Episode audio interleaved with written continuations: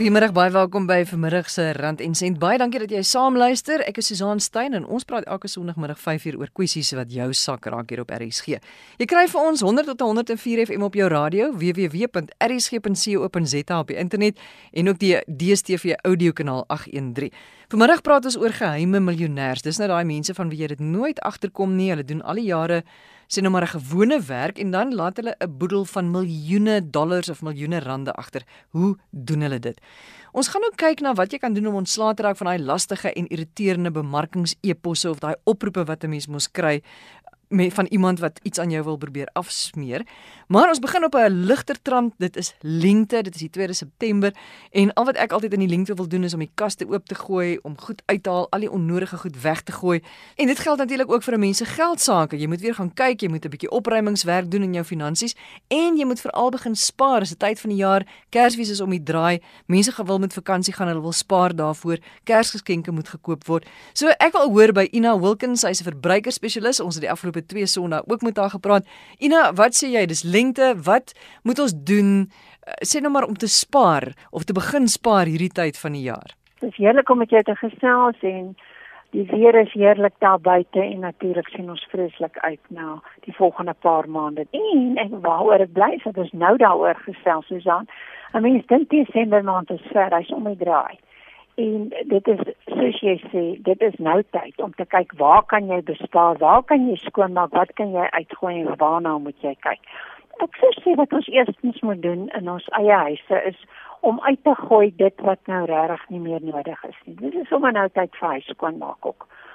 Daardie klere wat nou al hoe lank in jou kas hang, haal, haal dit uit, gaan gee dit vir liefdadigheidsorganisasies, daar's mense daar buite wat regtig baie baie swaar kry. Ek dink aan ouer huise.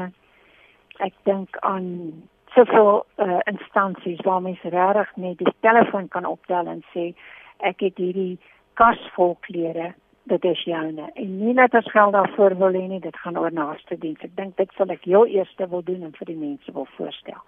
Dan sê dan natuurlik dan moet ons bietjie kyk na uh, kosinkope want want dit is net maar aankope. Dit is mos net maar altyd die mees basiese en vroeër in die jare het ons gepraat en ons het gesien hoeveel van ons geld gaan in werklikheid slegs vir kos.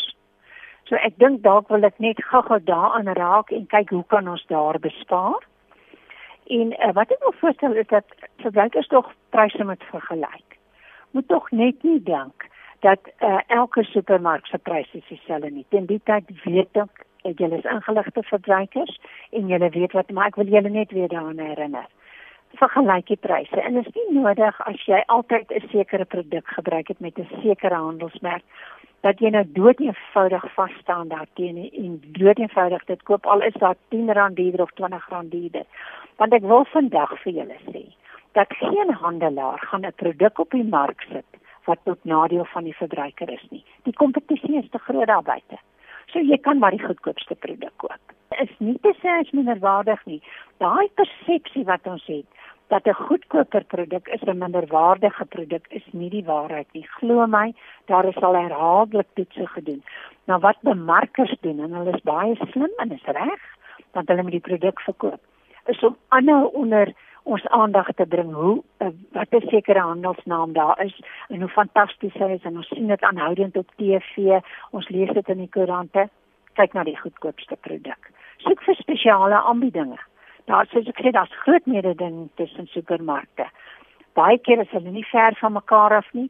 Kyk in die koerante, kyk op die webblad en uh, koop jy net die spesiale aanbiedinge en koop meer daarvan as wat jy nodig het want volgende maand is hulle nie daar nie en dan het jy dit reeds. Die goedkoper produkte tans vir interessantheid wil ek net noem en dit is baie basies. Mieliemeel is byvoorbeeld goedkoper op die oomblik hoekom omdat daar rekord mielieoeste was. Suiker is 'n bietjie goedkoper, verbasend genoeg. Daar beter plaaslike oeste en 'n goedkoper invoer van suiker. En dan moet jy natuurlik kyk wat vrugte aanbetref. Kyk wat is tans in seisoen en koop daardie vrugte. Hulle is baie goedkoper as natuurlike produk waarvan jy baie hou wat jy weet wat ingevoer is. So dit gaan ook weer druk op jou salaris uitbetaling plaas. Onthou net dit, ons moet altyd in gedagte hou het ek begroot daarvoor is dit werklik nodig is dit in my huis nodig, kan dit nie maar 'n bietjie wag nie. Maar omdat ons nou in September is, onthou Desember maand lê voor. Met ander woorde, ons moet daaraan dink, wat gaan ons nodig hê hier in Desember? Ons wil dalk uh, vrugtekoek of twee bak. Koop nou daardie produkte as jy kan en bak solank daardie vrugtekoek want ons weet mos as hy bietjie verouder het, is hy heerlik as wat jy hom in Desember probeer bak. Selfs uh vleis, bietjie later, miskien hier by einde Oktober, begin November, gaan koop maar daardie skaapbout of daardie varkbout wat jy wil hê. Hy gaan goedkoper wees, kan ek jou waarborg, as in Desember want in Desember dan verhoog die aanvraag en dan weet ons dan verhoog die prys geweldig. Ina, dit is ook binne oor 'n paar maande is dit Kersfees. Ons weet dit is 'n tyd wat mense Kersgeskenke gaan koop. Ons weet dit is 'n tyd wat mense 'n bietjie meer spandabelrig raak as gewoonlik. Het jy vir ons dalk 'n bietjie raad of iets dat ons dan ons goedjie kan koop of onsself kan gaan geniet, maar dat 'n mens nou al nou al begin spaar of miskien nou al jou goed begin koop? Ja, Susan, dit is 'n absolute fantastiese voorstel wat jy maak, wil ek vir jou sê. Jy kan onmoontlik nie wag tot Desember maand nie en besef die familie kom en ek moet nou Kersgeskenke koop. Nommer 1, dis nie 'n moet om Kersgeskenke te koop nie. Waaroor gaan Kersfees? Kersfees gaan oor liefde vir mekaar. Kersfees gaan om vir myself jouself vir iemand te gee. Kersfees gaan oor om familie te sien of mense wat nie eers familie het om vir hulle te gaan kuier en 'n drukkie te gee en 'n uh, goeie wense toe te wens. Dit is waaroor Kersfees gaan. Maar ongelukkig het Kersfees ontaard in 'n koopmania, wil ek dit noem. Van die duurste geskenke en natuurlik, ons weet almal, hier omtrent al van die begin November af, Susan, dan gaan die geklingel in die winkels kom en dis die mooiste Kersliedere en dan dink jy by jouself, weet jy, ag ek kan dit maar spandeer. Moenie in daardie slag gat trap nie. As jy iets wil koop, koop nou nou is die tyd om te koop. En moenie duur geskenke koop as jy dan geskenke wil koop nie. Koop elementêre goed, koop basiese goed. So dit draai dit mooi toe en dit gaan oor hoe jy dit vir mense gee en waar jy dit gaan uitdeel. Daar's mense wat nie eers kos het om te eet op Kersdag nie. Daar's soveel goeie goed wat ons kan doen vir Kersfees behalwe om net geld uit te gee want Susan, oor Kersfees, oor Desember maand weet ons kry baie mense bonusse. En ons weet aan die einde van Desember het hulle nie 'n sent oor nie. Hmm. So as jy nog nie beplan het vir 'n vakansie nie, nog nie gespaar het vir 'n vakansie nie, moenie Desember maand weggaan nie. Bly by die huis. Geniet jou Kersfees saam met jou familie, saam met jou eie mense, want ons weet nie of ons oor 'n jaar nog hier is nie. Ina baie baie dankie. Dis altyd lekker om met jou te gesels. Dis verbruikerspesialis Ina Holken. Jy luister na Rand en Sent op RSG en in die tweede deel van ons program gaan ons praat oor hoe geheime miljonêers, dis nou daai mense van wie jy dit nooit verwag nie, dan 'n groot boedel van miljoene rande agterlaat. Maar eers iets wat my tot raserny kan dryf en dit is gemorspos of spam wat 'n mens kry en ook daai telefoonoproepe wat jy so uit die bloute uitkry van iemand wat iets aan jou wil probeer verkoop. Arinda Trieter is 'n prokureur by Dingley Marshall Prokureurs. En Arinda, jy moet asseblief vir ons hiermee help, maar net gou eers, wat beskou julle as gemorspos? So gemorspos of spam soos wat ons dit noem, is die alledaagse terme vir al daai ongevraagde bemarkings-eposse, SMS'e, telefoonoproepe wat ons almal op 'n daaglikse basis ontvang. So dit dit lyk dalk onskuldig, maar as jy daaraan dink, jy moet die e-pos ontvang, jy moet dit oopmaak, jy moet dit verwyder. Nie net is dit 'n mors van jou tyd nie, maar dit is ook 'n mors van jou data. En ons almal weet hoe duur dit is om data in Suid-Afrika te bekom. Maar aan die ander kant, hierdie bemarkers stuur die e-posse en die SMS'e in groot maat en dit kos hulle bykans niks nie. So meer as net 'n oorlas vir ons, kos dit ons geld om hierdie spam te mm, ontvang. Mm, mm. Ja, maar dit is die ding, jy weet ek het nou al gedink hoe baie tyd in my lewe ek deurbring om sulke pos eposse te kry. Dit maak jou, jy weet jou eposse vol. Dikwels sien jy die goed en jy jy raak geïrriteerd daarmee, maar jy sien nie die belangrike eposse tussenin raak nie. So wat kan ek daar omtrent doen? Want ek weet daar's daar's byvoorbeeld apps wat jy kan kan aflaai wat jou kan help om om te onderskei tussen wat is belangrik en wat is nie belangrik nie. Maar wat wat kan 'n mens daar omtrent doen om dit te keer? Ja, so in terme van die reg, het jy definitief regte wat jou beskerm teen hierdie gemorspos. So buiten die die apps wat 'n mens kan kan aflaai om soos dit om vir te wys wie besig om jou te bel of hierdie e-pos direk na spam toe te stuur, is daar regte in terme van die reg. As ons kyk na na ons wette, ons het verskeie wette wat direkte bemarking reguleer. Byvoorbeeld ons wet op elektroniese kommunikasie en transaksies. Hierdie wet sê dat bemarkers jou moet laat weet dat jy die opsie het om geen spam te ontvang nie en dat hulle hierdie opsie vir jou moet gee om uit te teken. As die bemarking nie toelaat dat jy uitteken nie, word dit gesien as 'n kriminele aksie. Ons het ook die wet op verbruikersbeskerming wat 'n redelike nuwe wet is. Hierdie wet sê ook dat bemarkers hulle produkte en dienste mag bemark aan jou totdat jy verkies om uit te teken. So dit beteken dat jy altyd die opsie het om uit te teken en die bemarker moet jou instruksie bevestig en dit op rekord hou om jou nie weer te kontak nie. Anders is dit ook nie in terme van jou reg in terme van die wet nie. Ons laaste wet wat ons vinnig na kan kyk, is die Wet op Beskerming van Persoonlike Inligting. Hierdie wet het in is in 2013 ingeskryf in die wet, maar nog net gedeeltes daarvan is wet. So dit het nog nie heeltemal in werking getree nie. Ons is nog nie 100% seker wanneer dit volledig in werking gaan tree nie want ons wag vir 'n datum van die presidentskap af. Maar hierdie wet verander die hele digitale bemarkingsmodel van 'n uittekenvorm van toestemming tot 'n intekenvorm van toestemming. So tegnies op hierdie stadium sê ons verbruikerswet dat jy die reg het om uit te teken maar jy het nie die reg om in te teken nie. Waar die die wet op persoonlike inligting verander hierdie dat dit sê jy moet van die begin af inteken. Dit is baie beperkend in die sin dat daar slegs een kans is vir die bemarking om jou toestemming te kry om in te teken, maar daar's onbeperkte kansse vir jou as die verbruiker om uit te teken. Maar ek het nou al baie keer uitgeteken want hulle gee ons vir jou daai opsie dat jy kan jy jy weet beheer of bestuur hierdie rekening of of teken uit unsubscribe. Ja. En dit voel vir my elke keer as ek uitteken op een, dan kry ek nog 10 ander by. Ja, dis baie waar en ons sien dit op 'n daaglikse basis. Al het die bemarkings-e-posse daai opsie waar jy kan klik om uit te teken of al reageer jy op die SMS met die woord stop, dan kry jy nog steeds spam. So jy is steeds dan beskerm in terme van die reg om dit te veg, maar dit is moeilik omdat dinge so vinnig verander en as jy een keer uitteken hier is daar 20 ander wat weer jou e-pos op 'n ander plek gekry het. Is dit baie moeilik om dit te reguleer. Maar jy kan in terme van die wet op elektroniese kommunikasie en, en transaksies dit as 'n kriminele aksie aangee by die SAPD. Ongelukkig, soos ons weet, is die kans nie baie groot dat dit gaan geondersoek word en uiteindelik by 'n regsaksie uitkom nie. Die polisie is oorval met ander groter misdade. Hulle gaan nie heel moontlik nie kyk na jou spam wat jy op 'n daaglikse basis kry nie. In terme van die verbruikerswet kan jy 'n klagte by die nasionale verbruikerskommissie gaan indien. Dit is 'n baie beter opsie want hulle doen ondersoek en hulle het spesifieke optrede wat hulle dan doen teen hierdie bemarkers wat dit vir jou stuur. So dit is 'n baie goeie opsie om te doen as jy nog steeds die spam ontvang nadat jy uitgeteken het. Die nuwe wet, die wet op beskerming van persoonlike inligting, het ook sanksies wat hulle misdrywe in die wet uiteensit.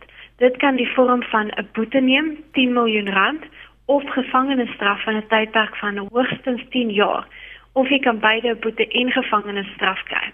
Maar soos ek gesê het, hierdie wet het nog nie in volle in werking getree nie. So ons gaan nog moet sien hoe hierdie sanksies in praktyk werk. Maar dit gaan 'n groot verandering in ons regstelsel wees. Jy kan natuurlik ook dan 'n klagte indien by die internetdiensverskaffersvereniging. Hulle neem aktiewe stappe om te voorkom dat gemorspos van hulle netwerke afkomstig is. Hulle webtuiste is ispa.org.za of as dit SMS spam is, kan jy 'n klagte indien by die Wireless Application Services Provider Association. En hulle webtuiste is waspa.org.za. Dit laat mense beter voel dat daar is daar 'n plek want jy weet mense het nie noodwendig lus om nou 'n interdik te kry of hofsaake. Dan dink jy jy weet dan dan wis jy eerder maar daai e-posse. Maar wat doen 'n mens met hierdie telefoon op oproepe wat 'n mens so kry? Telefoniese oproepe presies dieselfde as e-posse of SMS'e.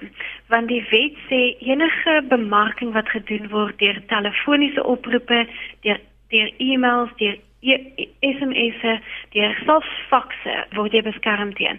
So as jy 'n telefoniese oproep kry van iemand en jy sê nee, moet my nie weer kontak nie, jy kan nog steeds hierdie selfde proses volg deur die nasionale verbruikerskommissie te kontak en 'n 'n klag te lê by hulle of as die nuwe wet op uh, beskerming van persoonlike inligting intree, daai sanksies volg. Maar op hierdie stadium is ons nog nie seker nie. Telefoniese oproepe werk presies dieselfde as e-pos of SMS spam. Net gou-gou laaste vraag. Uh, miskien is dit nou voor die hand liggend, maar waar kry hierdie mense jou besonderhede? Want as ek nou dink my besonderhede is net by my mediese fonds, dit is net by my bank. Jy weet dit is by instellings wat ek daarom sou dink, jy weet ek gee nie my goed vir winkels of so nie. Mense sou daarom dink dat dit redelik veilig is daar. Dit dis die grootste probleem want ek sou nou nog okay wees as ek gemorspos ontvang van goed wat ek ingeteken het. Maar meeste van die gemorspos wat mense ontvang is van produkte en goedere wat ek nog nooit eens van gehoor het nie.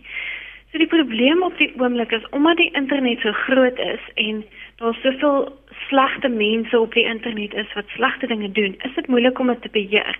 Daar's 'n klomp mense wat inligting verkoop aan hierdie derde partye wat jou kontak.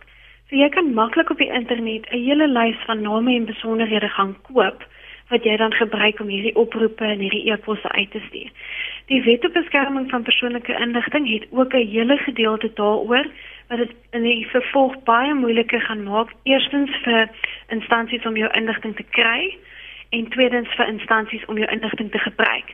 Daar gaan baie streng riglyne wees vir wanneer jy inligting kan gebruik, wanneer jy dit vir 'n derde party mag gee en ook net as jy die skriftelike toestemming het van die persoon wie se inligting dit is. So hopelik in die toekoms gaan dit baie minder gebeur, maar soos ek sê, dit is 'n baie moeilike ding om te beheer. Baie dankie. Dit is Arinda Trieter. Sy is 'n prokureur by Dingley Marshall Prokureurs daar in Kaapstad. Ek weet nie of julle of die naam Sylvia Bloem 'n klokkie lui nie. Sy was 'n sekretarisse wat by 'n regspraktyk in Amerika gewerk het. En toe sy dood is, het sy 'n boedel van 9 miljoen dollar agtergelaat. Nou dit is ongelooflik en ek meen sy is nie die enigste mens nie. 'n Mens lees gereeld van hierdie mense in koerante. Maar dit is verstommend dat iemand wat 'n mens nou sou dink so net 'n gewone salarisstrekker is, 'n gewone salaris verdien so 'n groot bedrag geld bymekaar kan maak. Liesel Boedrum is die hoof van advies vir Old Mutual persoonlike finansies. Liesel Vir julle mense in die finansiële wêreld is hierdie seker 'n heerlike storie wat 'n mens as 'n goeie voorbeeld vir jou kliënte kan gebruik. Ag dit is 'n absolute heerlike storie Susan. Ek moet sê dit is so lekker want mense kry ongelukkig baie min so 'n goeie voorbeeld van iemand wat absoluut die voordeel trek van nie meer spandeer as wat hy verdien nie en oor 'n baie lang termyn gedissiplineerd spaar. Daai verskil tussen wat jy verdien en wat jy spandeer. As jy binne jou salaris leef of binne jou inkomste leef, die verskil oor 'n lang termyn te spaar. Ek dink um, ek het gesien die Sylvia Bloemwans na wie verwys het, het vir 67 jaar gewerk. So dis 'n baie baie lang termyn, maar sy het absoluut die vrugte gepluk aan die einde van die termyn vir haar toegewydheid na dissipline. Maar Liesel, hoe dink jy doen 'n mens dit? Want want jy weet die eerste gedagte wat ek het is dat sy dalk niks uitgegee nie, sy het nooit met vakansie gegaan nie dis baie moontlik. Kyk, daar's baie mense wat met net gebore word met daai met min behoefte om te spandeer. Daar's baie min sulke mense. Meeste van ons het die behoefte om dan nou en dan vir onsself iets spesiaals te koop of op iets spesiaals te spandeer wat jy nie werklik nodig het nie, maar wat op die ou end maar die lewe die moeite werk maak. So die beginsel is om die balans te vind. Ek dink meeste van ons hel oor na die ander kant toe waar ons te veel spandeer en dan raak dit gewoonte dan spandeer jy op 'n maandelikse basis meer as wat jy verdien en jy kry jouself dan in 'n skuldblok val wat net erger en erger raak. Sylvia was gou blyklik aan die ander kant van die spektrum waar sy waarskynlik bitter min spandeer het. Ek weet nie hoe of sy haarself ooit iets spesiaals toegegee het nie en of sy net absoluut op die broodlyn geleef het. Sy het gou blyklik vreeslik baie geld gespaar oor 'n baie lang termyn. So ek dink dis die twee kante van die spektrum en mens moet mooi die, die balans in die middel vind om seker te maak dat jy jou lewe geniet van dag tot dag, maar ook seker maak dat jy langtermyn doelwitte het en dat jy gedissiplineerd daartoe werk. Dis al sy was nie die enigste enigste van hierdie geheime miljonêers nie. 'n Mens hoor ge gereeld daarvan of jy lees gereeld daarvan in koerante of tydskrifte van iemand wat so niemand het eers agtergekom nie en dan as die persoon oorlede is dan het hulle hierdie miljoene rande in die bank gehad. Op watter manier kan ons probeer bespaar of wat het hierdie mense in gemeen, hierdie ge geheime miljonêers om soveel geld bymekaar te maak oor 'n leeftyd? Susan, my my siening is dat die mense twee elemente het waarmee hulle waarskynlik gebore word en dit is dissipline en om seker te maak hulle spandeer nie te veel nie. So die dissipline om binne jou binne jou inkomste te leef en die verskil oor 'n langtermyn te spaar. So min mense het ongelukkig daai gawes. Meeste mense spandeer te veel en het ook nie die dissipline om waar hulle nie nie beter waar hulle genoeg geld het om nog te spaar, daai geldjies te spaar en dit dan te los vir 'n langtermyn doelwitte vir eendag wanneer hulle by aftrede kom nie. So dit help baie keer as jy saam met iemand werk, as jy saam in 'n groep spaar, 'n spaarplan op die been bring sodat daar ander mense is wat jou kan verantwoordelik hou sodat wanneer jy weet in die versoeking gestel word en jy is lus om gou iets te spandeer wat jy weet jy nie eintlik moet nie dat iemand vir jou gaan sê nee wag weet dink twee keer hieroor. Net om seker te maak hulle help jou met daai dissipline. As jy dan weet jy wil jouself iets spesiaal toegun en jy wil op vakansie gaan of jy wil 'n spesiale item aankoop beplan daarvoor dat dit deel is van jou beplanning dat jy nie jou jou beplanning heeltemal uitgooi wanneer jy skielik in die versoeking gestel word nie. Liesla help ons asseblief gou met spaar. As as ek nou begin werk en ek besluit ek wil nou eendag as ek groot is ook soos uh, Sylvia 'n paar miljoen in die bank hê, waar moet ek my geld spaar? Hoe moet ek begin? dit is so 'n moeilike vraag om te antwoord want dit hang absoluut af van jou as individu. Dit hang af van hoe oud jy is, dit hang af van wat jou doelwitte is, hoeveel tyd jy het voor jy by daai doelwitte wil uitkom, voor jy wil bereik. Dit hang af hoe gemaklik jy is met markte wat kom en wat op en af beweeg. Gaan dit jou vreeslik sien of jy agter maak as jy skielik van jou kapitaalwaarde verloor? Wil jy stabiliteit in jou lewe hê? Jy moet ook in gedagte hou daar's inflasie, so jy moet jouself mooi beskerm teen inflasie risiko.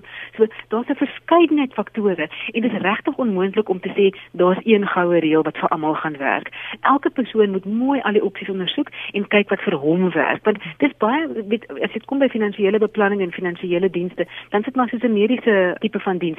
Dit is absoluut geskoei op die individu se behoeftes. Wat is fout met jou? Jou dokter gaan jou daarvoor behandel. Hoe jy by finansiële vryheid gaan uitkom, is net 'n plan wat vir jou soos 'n handskoen gaan pas.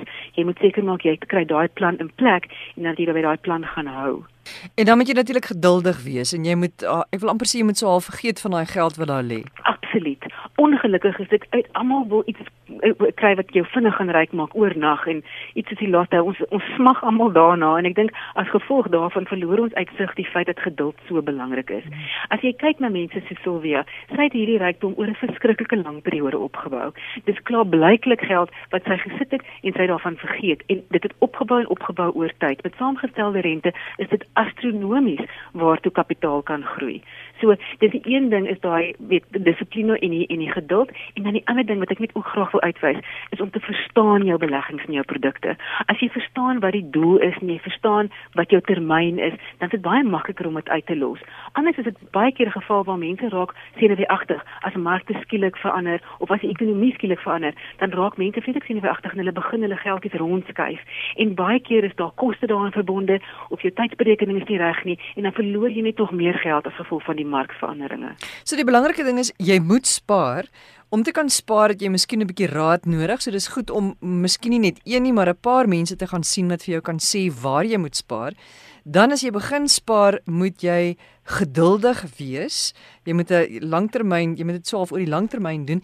Dan het die Engelse 'n terme, hulle praat van KISS, keep it simple, stupid. Absoluut, ja. So dit dit gaan hand in hand met verstaan waar jou geld is.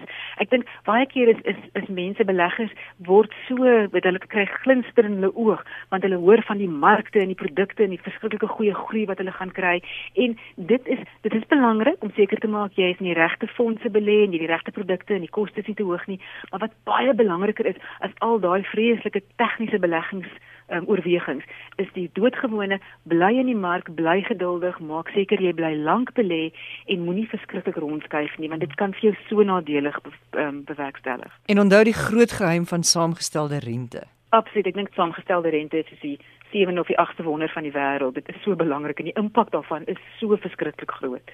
Liesel baie dankie. Dit is Liesel Budrum. En as jy dalk dink jy is Suid-Afrika se Sylvia Bloem, laat my asseblief weet. Ek wil baie graag weet wat jou spaargeheime is. E-posadres susaan@rsg.co.za.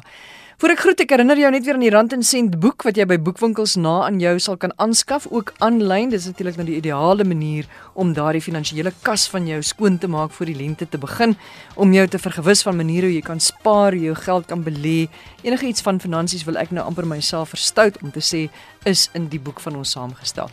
Onthou ook ons herhaling van Rand en Sent op 'n Woensdagoggend 04:30. Jy kan ook na al ons gesprekke gaan luister as 'n potgooi by www.rsg.co.za. Ek is Susan Stein, baie dankie dat jy saam geluister het en vir jou deelname. Ek hoop dit is 'n wonderlike week vir jou. Totsiens.